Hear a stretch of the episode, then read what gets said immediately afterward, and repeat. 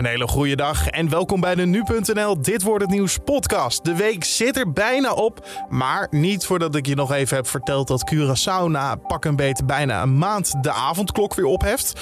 Een fakkeltocht in België is er tegen de terugkeer van de wolf. En Rutte gaat naar New York om de Verenigde Naties toe te spreken. Dat zo eerst kort nieuws van nu. Mijn naam is Carne van der Brink en het is vandaag vrijdag 24 september. Er komt 2 miljard extra voor de begroting. Dat is de conclusie na een marathonsessie van de algemene politieke beschouwingen. Het geld is bedoeld om de verhuurderheffing te verlagen, de loonkloof tussen het primair en voortgezet onderwijs te verkleinen en de energierekening te verlagen. Ook is er geld voor defensie en veiligheid. Dat is ook nodig in de strijd tegen drugs, zei demissionair premier Mark Rutte gisteravond. Ik erg me ook kapot als je berichten leest over tienduizenden lijntjes kook die blijkbaar wekelijks of dagelijks in de grote steden worden gebruikt. Die idioten die dat doen, die houden dus ook het systeem in stand. Dat een miljardenbusiness is opgezet in Nederland door de Tachis en de andere families in Nederland die dat doen, dat is werkelijk verschrikkelijk. Er was een ruime meerderheid in de Tweede Kamer voor dit plan. Verder kon Rutte gisteren in het debat nog geen harde toezeggingen doen over wanneer de ouders van de toeslagenaffaire hun geld krijgen. Ik kan hier geen toezegging doen over wanneer het klaar is. Dat, dat ga ik niet doen. Ik ga niet mensen belazeren. En ik snap helemaal dat uh, mevrouw Marijnissen dit zo voelt. Ik voel dat precies zo. Ik zou het dolgraag zeggen. Maar dat is niet verstandig. Dat kunnen we niet maken. Dat kunnen we echt niet maken. Dat viel verkeerd bij meerdere partijen. Je hoort Lilianne Marijnissen van de SP. Ik vind het echt onuitlegbaar. Laat ik daar maar heel duidelijk over zijn. Onuitlegbaar en ook onacceptabel dat u zegt, ja, ik ga daar geen beloftes over doen. Ik vind het is het minste wat u kan doen. De ouders hebben namelijk recht op een vergoeding van zo'n 30.000 euro. Een commissie van het Amerikaanse Huis van Afgevaardigden heeft de voormalige adviseurs van Trump gedagvaard. Dat deden zij vanwege hun rol tijdens de bestorming van het Capitool. De dagvaardigingen zijn een belangrijke stap in het onderzoek. De komende weken wordt namelijk begonnen aan eh, getuigenvoren achter gesloten deuren. En ze willen onder andere weten wat Trump wist en hoe hij handelde in de aanloop naar de bestorming. Europa vraagt Nederland om een ambitieuzer klimaatdoel. In 2030 moet onze uitstoot van broeikasgassen namelijk verder gedaald zijn dan volgens de huidige plannen uit het klimaatakkoord. Dat is nodig om de uitstoot te laten voldoen aan de Europese klimaatdoelen, zo zegt het Planbureau voor de Leefomgeving. In 2030 moet de uitstoot van broeikasgassen 55% lager zijn dan in 1990. Dat is alleen mogelijk als lidstaten zelf klimaatdoelen aanscherpen.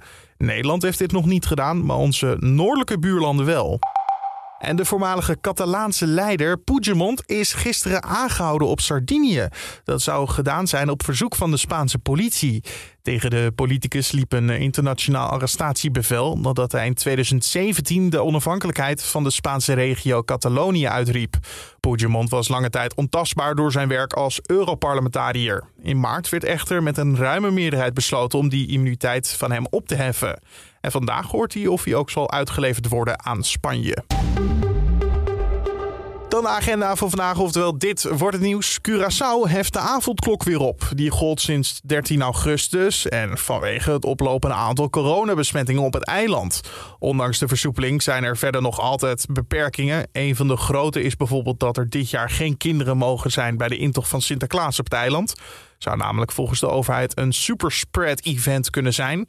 Om risico's te voorkomen willen de autoriteiten nu alvast duidelijkheid geven in plaats van af te wachten tot het allerlaatste moment. De wolf is terug in België en daar lijken weinig mensen blij mee te zijn. Vanavond is er namelijk een protest door boeren in het land. Met een fakkeltocht willen ze aandacht vragen voor de problemen die het dier oplevert. De afgelopen tijd hebben wolven enkele kilometers van de Nederlandse grens een veertigtal schapen, koeien en andere dieren gedood. Vorige week hapten ze ook nog eens twee Shetland-ponies dood. Daarmee was de maat vol voor de boeren. De burgemeester van de Belgische plaats Oudsbergen heeft toestemming voor het protest gegeven als het maar kalm en veilig verloopt. En vlak na het begrotingsdebat in de Tweede Kamer van gisteravond vannacht is demissionair premier Mark Rutte op het vliegtuig gestapt naar New York. Hij zal daar de algemene vergadering van de Verenigde Naties bijwonen. Bijna alle leden van de VN sturen hun leider naar deze jaarlijkse diplomatieke bijeenkomst. Rutte spreekt op de algemene vergadering aan het begin van de avond. De gevolgen van klimaatverandering en de coronacrisis zullen in zijn speech een hoofdrol spelen. Wat altijd een hoofdrol heeft in deze podcast is natuurlijk het weer van vandaag. Wat gaat het worden? Je hoort het van Wouter van Bernebeek van Weerplaza. De dag begint met veel bewolking en in het oosten en noordoosten kan plaatselijk nog een enkele bui vallen, maar dat zal snel wegtrekken. En in de loop van de dag zien we vanuit het westen steeds meer ruimte komen voor de zon. Bij een matige en al zee af en toe vrij krachtige westelijke wind loopt de temperatuur op naar 19 graden op de stranden tot zo'n 22 graden in het zuidoosten van het land. Het weekend belooft fraai te worden met veel ruimte voor de zon en op beide dagen worden hoge temperaturen verwacht. Zaterdag van 20 tot 24 graden en zondag zou het in het oosten lokaal zelfs 25 graden kunnen worden. Wel neemt dan geleidelijk de kans op een enkele regen- of onweersbui toe. Dankjewel Wouter van Bernebeek van Weerplaza. En om af te sluiten nog even dit. Komt een film over de bekende loodgieter Mario en zijn vriendjes. Nintendo is bezig met een animatiefilm over Super Mario Bros., bekend van de games. Zo zal Chris Pratt, eh, bekend van de Jurassic Park films, in de rol kruipen van Mario. En comedy-veteraan Jack Black zal schurk Bowser gaan spelen. Het doel van de games is eigenlijk altijd wel om prinses Peach in een of andere vorm te redden. Het is niet duidelijk of dat ook de verhaallijn van deze film gaat zijn. Peach zal in ieder geval gespeeld worden door de zeer populaire Queen's Gambit-actrice Anna Taylor-Joy. Super Mario Bros. moet rond de feestdagen van 2022 in de bioscopen te zien zijn. Here we go! En tot zover deze Dit Wordt Het Nieuws podcast voor de vrijdag. Dankjewel voor het luisteren. Help ons hem beter te maken door een mailtje te sturen naar podcast.nu.nl of een recensie achter te laten bij Apple Podcast. Een huishoudelijke mededeling vanmiddag zijn we weer terug met een maand van nu. Dan zal de hoofdredacteur van nu.nl je meenemen in onze maand hoe wij het nieuws hebben gevolgd. Die hoor je vanmiddag. En natuurlijk wens ik je alvast een hele mooie dag en een heerlijke weekend. Mijn naam is Carne van der Brink. Tot maandag.